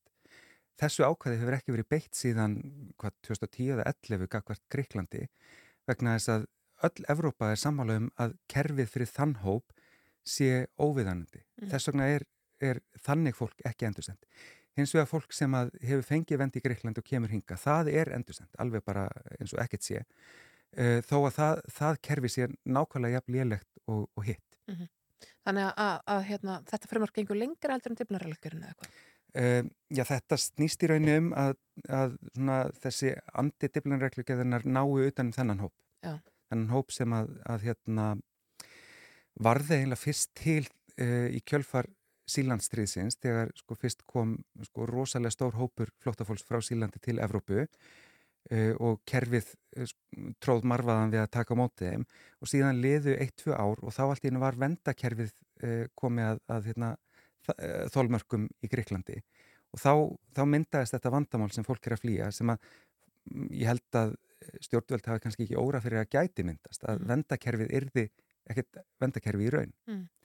Það hefur lengi verið talað um það að, að já, eitt af því svona ómannulegasta í íslenska hælisleitenda kerfinu sé sko um, já, tilnægi kerfisins til að vera mjög lengi afgreða mál, fólk festi jafnvel rætur hér og svo eða vísa því á landi fólki sem hefði aldrei fengið hæli og svo framvegis. Um, er þetta ekki sko leið til þess að, að taka á því að fólk sé ekki að, að hérna, já, festa rætur hér og, og búist til heimili uh, ef það ásvo enga vona á að, að búa hérna? þetta er fólk sem á vona að búa hérna. Já. Þetta er fólk sem uh, til dæmis vegna veikinda eða fötlunar eða vegna annara uh, svona erfileika uh, þrýfst illa í vendakerfinu á Greiklandi. Uh, og það er líka kerfi sem að, að hérna bara er að uh, koma mjög illa út fyrir fullfrýst fólk. Mhm. Fólk verður fyrir, fyrir hérna áreitni hönd, höndum lögreglu ef það tilheri einhverjum jáðarhópum, það er útsett fyrir ofbeldi og ég meina við erum í grunninn ofta að tala um að fólk bara neðist til að búa á götunni allslaust í svo kallu vendakerfi. Mm. Það eru aðstæðarna sem stór hluta þessu fólk er að flýja og það er engin mannúð í því að, að endursenda það í þær aðstæður. Nei. Jón Gunnarsson talar um það að, og það er svo sem ljóst, leikur ljóst fyrir að það búið að afgreða þetta frumvarp út úr ríkismennuflokkunum og hann talar um að eiga vona því að það verði samtækt núna á vorþinginu. Hann talar líka um það að, að, að þetta frumvarp, með þessu frumvarpi séu við að færa íslenska lögjöf nær því sem að gengur að gerist á Norðurlöndunum. Uh, er það rétt? Að sumuleiti og það er ekkit endilega gott Nei. því að Norðurlöndin eru búin að taka alveg ofbóðslega mörg slæmskrefi þessum málum á síðustu árum. Já. Við höfum verið með bara mm, reynd út sagt rasíska útlendingastefnu í gangi til dæmis í Noregi og, og Danmörku. Mhm. Þannig að þetta er ekkit endilega mm, börnin bestu til að, að elda í þessum málum. Nei. Hvaða land ættu að vera alltaf í þessum málum? Hverir eru bestir í hælismálum og, og hvernig, veist, er það, er það lönd sem við getum búið eitthvað saman við? Já, það, það eru svona ólíki þættir sem eru, eru afgreittir misseflega og að það, það, það er hægt, við getum tekið sko púsl frá ólíkum löndum Já. til okkar og, og bara orðið besta landið í þessu sjálf. Já, það, það er ekkert mál. En í staðin þá erum við með sko í þessu frumvarpi, það er til dæmis eitt af þessu nýja sem er bætt við frá því að Sirjur Andersen laði þetta fram. þá til dæmis verið að lögfesta heimil til þess að uh, svifta umsækjendur allir þjónustu eftir 30 metrar eða fá sinjun. Uh, þetta er vegna þess, við munum kannski eftir því þá eru palestínskir hælisleitendur sem að var hent út á göttuna uh, fyrir hvað ári uh, og kærnett útlendingamála komst að því að þetta hefði verið óheimilt þegar maður bara hent út á göttuna alls lausum. Uh, hérna er verið að smíða lagaheimildina til að geta hendum út á göttuna uh, en að það sé löglegt og þá erum við að tala um að það fólk hefur enga heilbreyðistjónustu, það hefur enga framfæslu, það hefur ekkert húsnæði, það hefur ekki aðgang skóla. Hvernig er þetta lag okkur fyrir... Já, þetta er bara, mann sagði, fymta greinin heitir þetta hérna. Uh, útlendingu sem hefur fengið endanlega sinjuna umsókn sinni uh, nýtur áfram réttinda þar til hann hefur yfirgefið landið en þó að hámarki í 30 daga. Já. Það tekur oft lengri tíma að uh, flytja fólk úr landi en 30 daga. Mhm. Þetta þýðir bara að það er hægt að, að hérna, gera því allslausan á göttunni í millitíðinni. Og þá nýtur þetta fólk bara engra réttinda? Nei, engra. Eh, Áttu vona því að því stjórnarhansstöðunni getið bröðist eitthvað við þessu frumvarpi? Uh, já, við höfum alveg frá fyrsta degi bóðað bara mjög harða andstöðu við þetta frumvarp uh, og höfum náttúrulega þurft að berjast við það hvað er þetta þriðja skipti sem hefur að leggja þetta fram Mm. og þó að uh, einhverju stjórnarlega geti réttlætta með einhverjum sko litlum svona smottir í slagfæringum hér og þar í frumvarpinu þá er þetta í grunninn alltaf sama slæma frumvarpið Mm. Þannig að við þurfum bara að taka þann slag aftur Þú talar um að þingi Andrés að því þetta uh, já, þú væri pínlítið skuffaður af því að ákveðni stjórnarflokkar væru að samþykja þetta frumvarp þú átt ómæntalega við þinn gamla flokku vinsi græna eitthvað? Já, og framsókn sem að þykist nú vera hérna svona félagsíkju sinni stundum. Já. Eh, og eh, já, ég meina, ég og bara, þú veist, alveg óhaf flokkum, fólk sem að stendur með mannúð á ekki að standa með þessu frumvarpi. Og ég hef eh, eiginlega meiri áhyggjur núna en ég hafði gert þegar ég var inn á þingja því að síðan er ráþrann búin að segja að það veri samstæðu málið meðal stjórnaflokkana. Það er samstæða sem að snýst bara um að, að vera vond við fólki í vestustöðu. Takk hérlega fyrir komuna til okkar Andrés Ingi Jónsson Þingmaður Pírata. Við ætlum að heyra eitt lag, þetta er Is it true í flutningi Guskus og Vög og komum svo að með spori.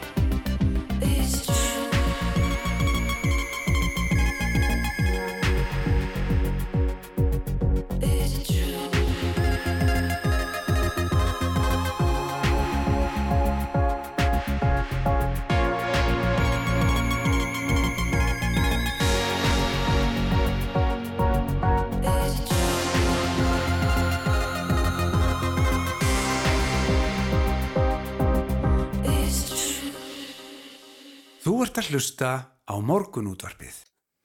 Jú, jú, við ætlum að fara í fréttaeflit hérna eftir augnablík og, og halda svo áfram að tala við góða gesti.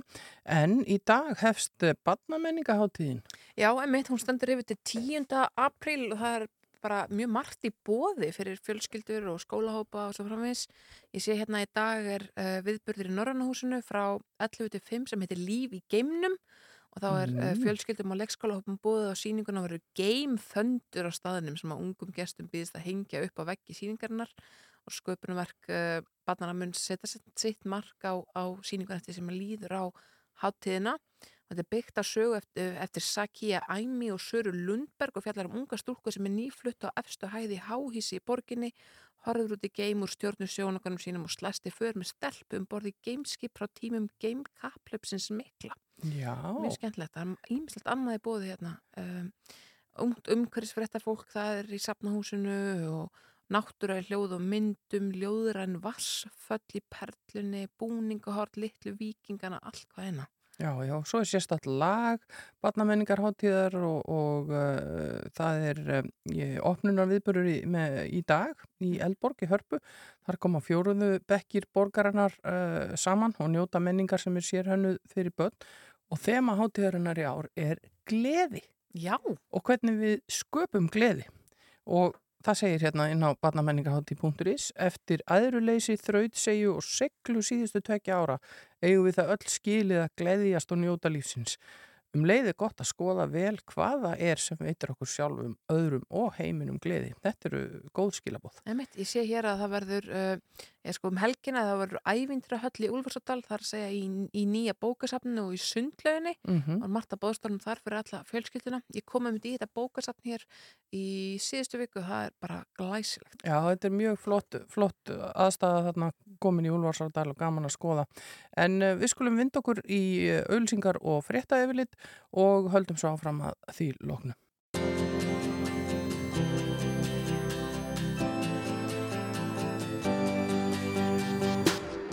Þú ert að hlusta á morgunútvarpið. Á Rástvö. Já, áframhaldum við hér. Við ætlum að ræða næst gleðskap framsunarflokksins á búnaðaþingi á fimmtag sem að viðist heldur betur hafa farið úr böndunum. Eitt umtalasta atveki var sannarlega þegar Sigur Ingi Jóhansson innviðar að höra gerði húðlitt framkvæmdastjóra bandarsamtakana umfyllunarefni sínu og virðist hafa kallað hana þá svörtu. Það eru komðaringa til okkar Brynja Dan Gunnarsdóttir Varaþingona framsunarflokksins og Kristín Loftsdóttir prófessor við Háskóla Íslands verði velkomnar. Skulum byrja á að ræða um, já, þessi ummali Brynja, hvernig, hvernig horfa þau við þér? Ég ætla ekki að neyta því að þetta er bara ömulegt og sárt og bara glatað og mér leiði illa í, í allan gerðag og bara, þú veist, bara einhvern veginn að- melda þetta allt saman. Um, ég fekk eins og það er símdal í gerkvöldi frá Sigur Inga og við bara rættum málinn og hann er fullur yðrunar og ég varst ekki um það í eina sekundu og svektastur út í sjálfan sig, held ég og hérna og það er náttúrulega bara þannig við erum mannleg og við skýtum stundum upp á bak og þá finnst mér kannski svona spurningin hvernig við ætlum að, reynsa upp eftir okkur og, og, og bæta okkur og gera betur og, og hérna svona já, horfa fram á því sko Hefur þú sjálf orðið fyrir kynstafórtumum innan uh, framsunarflokksins? Alls ekki og þvert á móti og Sigurður Ingi er náttúrulega mér stand dásanlegur og hann hefur einmitt verið hinum með við borðið, verið að þú veist fagna því hvað við erum orðinni fjölbreytt og megum vera alls konar og, bara allt öfugt við þetta sko þannig að hérna, nei, það hefur því hefur tekið mjög fagnandi Mhm. Kristín, þú hefur uh, rannsakað kynþáttafórtum á Íslandi og byrtingamenn þeirra um langa hríð. Sko, hverjar eru niðurstöður uh, þinnar rannsóna? Eru við, eru við bara pínlítið rasísk þjóð eða hva, hvað er hérna, hva, hver, hverjar eru niðurstöðunar? Eitt af því sem að engendi umræðina mjög lengi hér á Íslandi var svona ákveðin afneitun á því að hér væri rasismi. Já.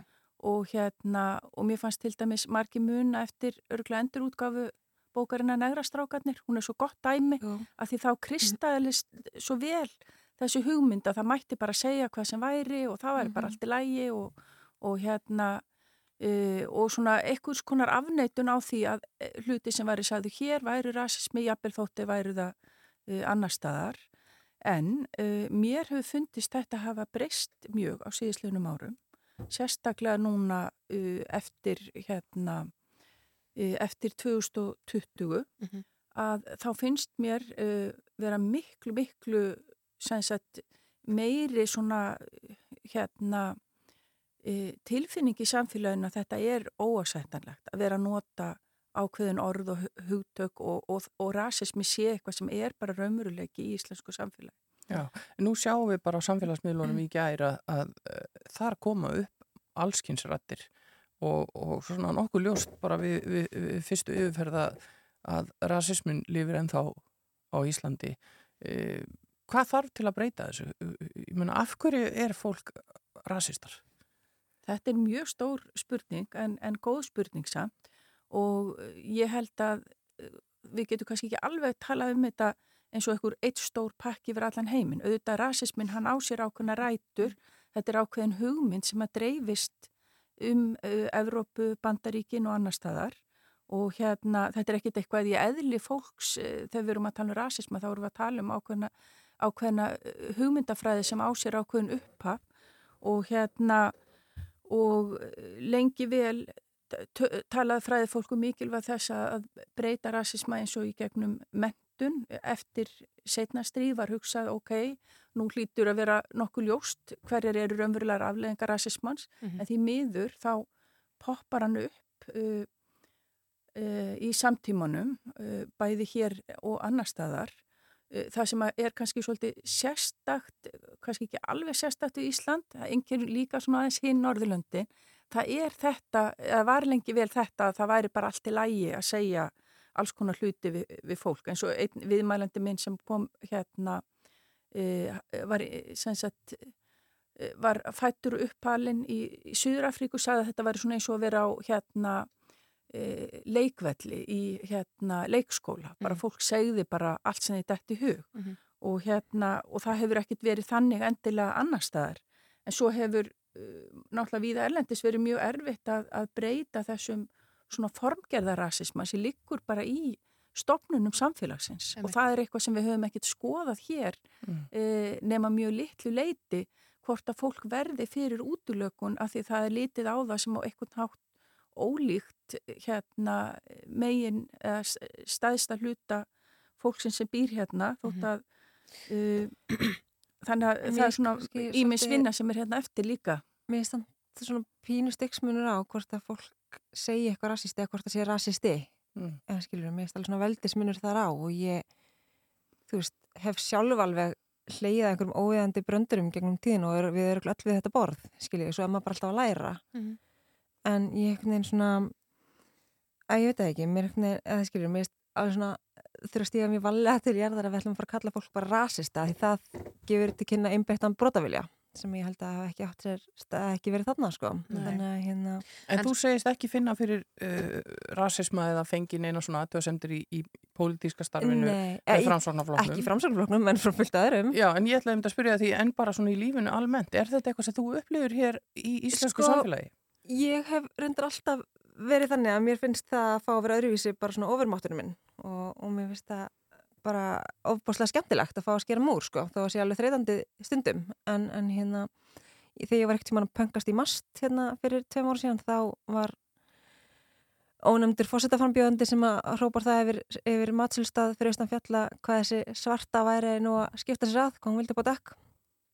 Og ég hefði alveg þegi það bara hann hefði hringt í mig og beðist afsökunar, skiljiði þú veist og ég veit að Sigur Ringi er búin að vill ná á Þetta fyrir tveimur á síðan það við erum að tala um, uh, við erum að tala um uh, Guðmund Franklín mögulega, já. já. og hérna, ég veit að hann er búin að vill beðast afsökunar og hérna vonandi finnur Vigdís það hjá sér daginn að geta tekið við þeirri afsökunarbeðinni, skiluru, en ég hefði þegið það þarna Mhm. en, en svo er þetta líka bara svona sem ég segi, þetta er bara svona inngróið í alls konar, ég er búin að vera berjast fyrir því núna í, í gott eitt og halvt ára að við breytum um nafn á, á nammi fyrirtæki, það er loksins að gangi gegn og okkur finnst það bara ótrúlega eðlilegt að. Kall, kalla því, því nafni, já Mhm. um, ég heyrði líka gæri á alþingi að alþingismæður samfélkingarinnar um, tengdi þessi orð siguringa við útlendingalögjöfuna, við erum ekki útlendingar mér finnst það til dæmis mjög niðrandi eða svona, Já. þú veist, rasismin er þar, skilur Mhm. við, ég er ekki útlendingur, Vigdís er ekki útlendingur um, alls konar svona hlutir Mhm, mhm. Uh, sko, þú ert ætlitt frá Sri Lanka Mhm. uh, og, og hérna hefur þetta bara, ég menna, átt uh, langt og gott líf hér á, hér á landi. Mhm. uh, en það var mjög áberandi í þessari umræðu í gær eins og Hulda kom að sinna á þann fólk var að segja, já, hérna hún er svört, má ekki benda á það, má ekki ræða það. Sko, hvernig upplifir það þú er kannski einn ángi fáfræðinar um, við erum ekki svartar. Nei. ef við ætlum að vera mjög teknileg þá erum við gular svona ef út í það farið en, en hérna en, svart. en húðleiturinn er kannski bara ekkert endilega til umræðu Nei, e, e, þú veist, svo er bara mér samt hvernig fólk tekur því, skilur e, þú veist, nei, við erum vissulega ekki svartar og svart er bara þjóflokkur, bara, þú veist, svart fólk er bara ákveðin tegund af, skilur Mhm, er bara ákveðin ákveðinn þjóflokkur.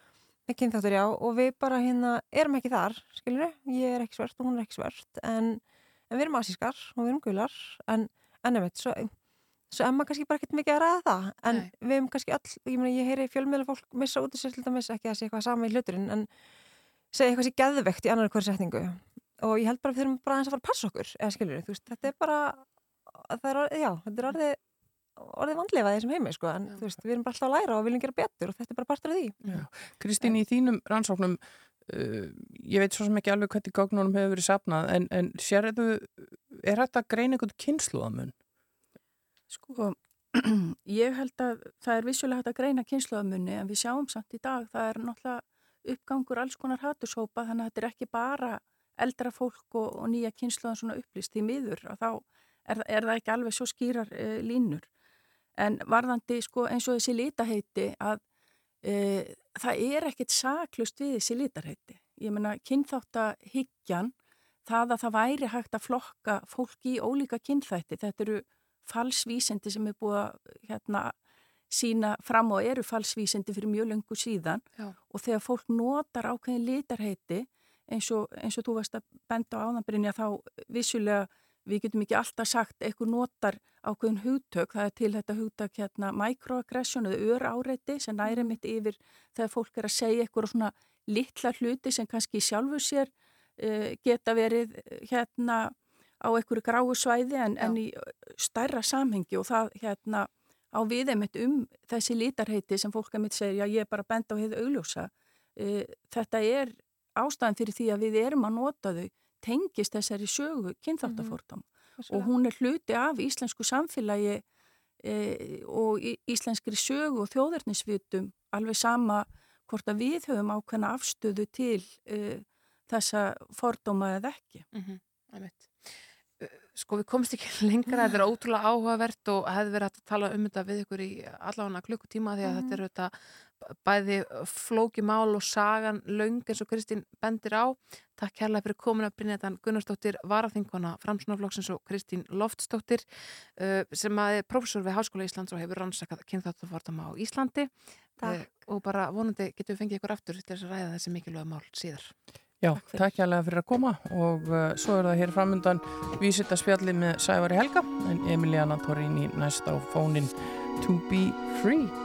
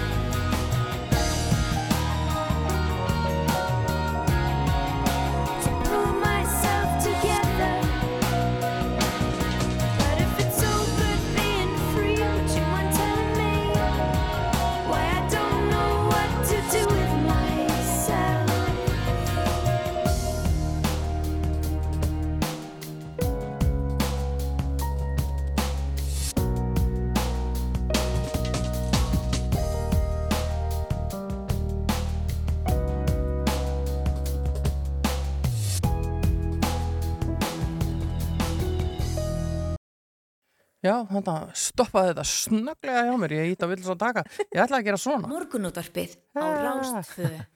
Alla virka daga. Já, já, ok. 6.50 til 9. Ég veit það, ég veit það. Og alla þriðjudaga förum við í fróðleikin og nú er það vísindin. Sævar Helgi Bragason, sestur hjá okkur. Velkomin. Takk hjá fyrir það. Hvað segir gott í dag? Ég segi bara allt ágætt fyrir þann snjóin. Er ekki komið vor og við þurfum auðar götur og, og hérna, auðveldar að hjóla og lappa og svona. Stefni nú reyndar í kalda viku. Já, reyndar. Mm. En þá svo stjörnur, svona síðustu eftirheitina þar. Já. Þannig að það er bara kliðið. Við skulum horfa á jákvæta hlutina. Já, er ennþá von á norðurljósum? Já, það er ennbla vonu norðljósum uh, annað kvöld, sennilega, og kvöldi þar á eftir. Það er komað smá svona gusa yfir okkur sem geti uh, valdi því að heiminn okkar verði pínu glóandi. Þannig að fólk geti endilega að hafa augun opinn ef vel viðrar. Hvernig hefur norðurljósa vertíðin verið í vetur? Fyrir utan veðrið bara hérna hjá okkur þá hefur hann öðruleiti verið bara ágætis norðurljós Já. og það er bara mjög eðlilegt en hérna veðrið setti náttúrulega stóran strik í reikning flestra held ég Mm. það var ekkit mjög bjart hérna uh, síðustu tvo mánuði en það horfður til betru vegar Já. Já. En mér langar byrja í Egiptalandi Já. Ég rakst nefnilega á svolítið skemmtilega frétt um fornleifafræði og þar fannst grafísi í byrjun síðustu aldar uh, af, hjá manni sem hitt K og konu hans Merit og þau voru ekki konungborinn og þetta er víst ein heilegasta, eitt heilegasta grafísi sem fundist hefur í Egiptalandi Mm. fyrir utan þessi konunglegu og þegar uh, verið var að gæjast inn í kvelvinguna þá kom við ljós fullt af krukkum og textíl meðal annars nærbuksur þess sem að uh, er grafið þar. K, sem var arkitekt og svo hafa menn velt fyrir sér hvað allir hafi verið gemt í þessum blessuðu krukkum sem hann fundust Mm. þannig að forlega fræðingar fengu efnafræðingar með sér í lið til þess að ekki opna krukkurnar heldur bóra hans í það eða reyndar ekki bóra heldur heldur setja svona uh, það sem heitir massagreinir setja uh, krukkurnar í plastboka og svo mæla uh, samindirna sem flugu út úr krukkunum 3400 árum eftir að þeim var lokað Mhm. Og með þessu voru að reyna að kanna það hvort það væri eftir einhverja samindir einhvers konar lykt inn í krukkunum sem segja okkur til um það hvaða, hvað verið var að geima í krukkunum. Og þá komi ljós að krukkunar inn í held, heldu uh, rótnandi leifar lífræfna efna meðal annars bívaks og sömuleiðis harðfisk. Ha? og, já, það er þá álitið að þarna, og ávegstir reynda líka þannig að þarna er álitið að e, til þess að svona tryggja þessu fólki gott framhaldslíf að þá hafi e, kvelvingarnar verið fylltar einmitt af þessu settar svona fullt af krukkum og þessu til þess að mat, bara nesti til Nesti- að fylgja með sér í framhaldslífið. Já, Eiga yfir hina sem- já. Sko nú höfum við framleitt mjög mikið af harfisk hér á landi en má ekki ímynd sér að það sé svolítið erfitt við svona heitar aðstæðar eins og ég ekki þannig að hann verði illa litandi og þetta verði aftur Jú, alveg, alveg, alveg öruglega sko. En svo náttúrulega er þetta sett inn í hérna, kvelvingunum það sem er ekkert sólaljós og, og, og, svona kannski súrefni snauðara umhverfi þannig að þá getur þetta ennstæðins lengur Mm. en það eru alltaf einhverja leifar í krukkunum sem hægt er að nota til þess að finna út hvað leyndist inn í þeim Já. og þetta er svona fyrst og fremst kannski hugsað til þess að vita meira um Egyptaland og forn Egypta en ekki síður til þess að svona gera upplifun meira spennandi fyrir sapgesti þannig að þetta bæta lykt þá við það að þú hverfur inn í einhvern fornan heim og það kannski væri svona aukin upplifun, aukin veruleiki í, í sapn heimsóknum í framtíðinni. Já, Egiptaland er alltaf ótrúlega spennandi. Já, ég, það er ekki, ég held ég skrítið bara með allar þessar múmíu sem að þetta er eitthvað svona dulafullt og, og áhugavert og þetta er endur ekki fyrsta skipti sem menn nota samskonar aðferð til þess að kanna lykt og kanna efni sem Egyptar notuðu. Og með svipari rannsókn þá tókst mönnum að sína fram á að smurefni sem þeir notuðu voru uh, bakteríudreipandi líka. Þannig að þeir voru að gera tilrunir Já, til þess já. að búa til múmíur úr ástvinum sínum og, og uh, löngu áður en að við heldum að þeir hefðu byrjað Já. og nota til þess býstna flókin og flott efni Þannig svo margt sem að maður bara skilur ekki. Ég kom til Egyptaland þegar ég var 20 Mhm. og meðal annars að píramídunum við Gísa og ég hefði alltaf haldið bara þegar maður er búin að horfa á þetta í bók bara myndir af þessi bók að það er einhvern veginn sama bara fyrir sér sko grjóti í einhverjum svona múrsteinastæð Já. en svo stóð maður hérna og hver steinn er bara tveir sinnum tveir Já, já. eða álíka það er eitt og annað hægt með góðu vinnafli Já. þarf ekki að borga háa, háa fjárhæðir ég, Samt, bara Já, já. hvernig hafa þeir gert þetta þetta er ótrúlega framkvæmtir Akkurat, þannig að þeir eh, skráðu að ég best veit ekki niður hvernig þeir fóru að því að smíða píramindina en þeir hafa örgulega beitt einföldustu mögulegu aðferðum eins og við bara gerum í dag þegar við erum að smíða Mm. við erum ekkert að flækja hlutin óþurfi og, og nota hérna hjól og, og trissur og eitthvað þess að til þess að hýfa upp steina með, með vogarafli eða, eða mannafli bara hennilega. Það er eitt og annað hægt.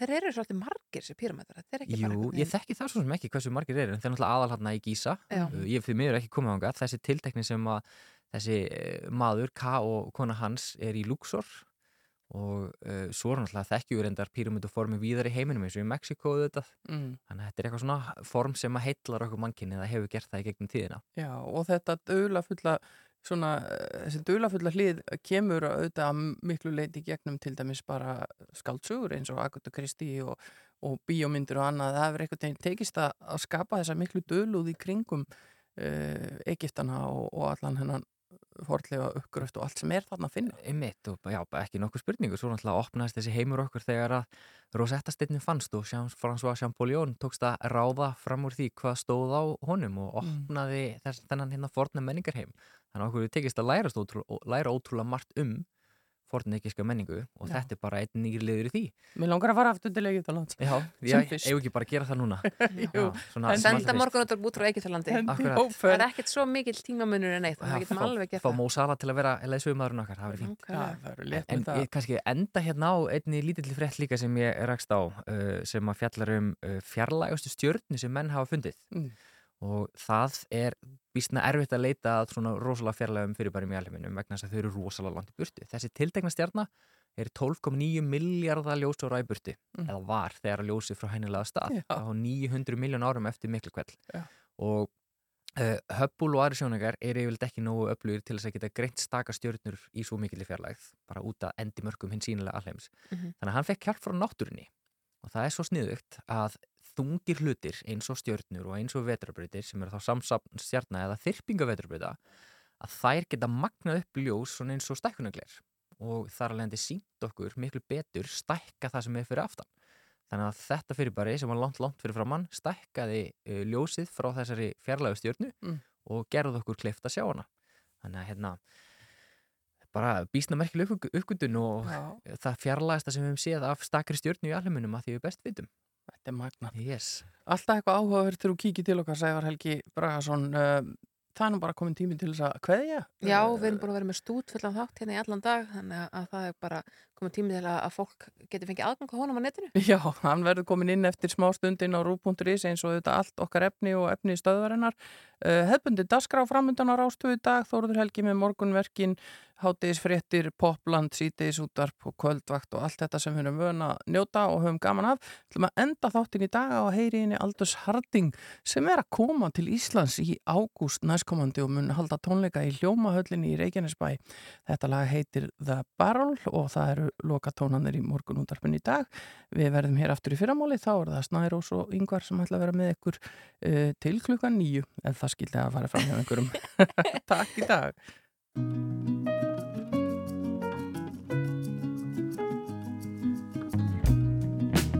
I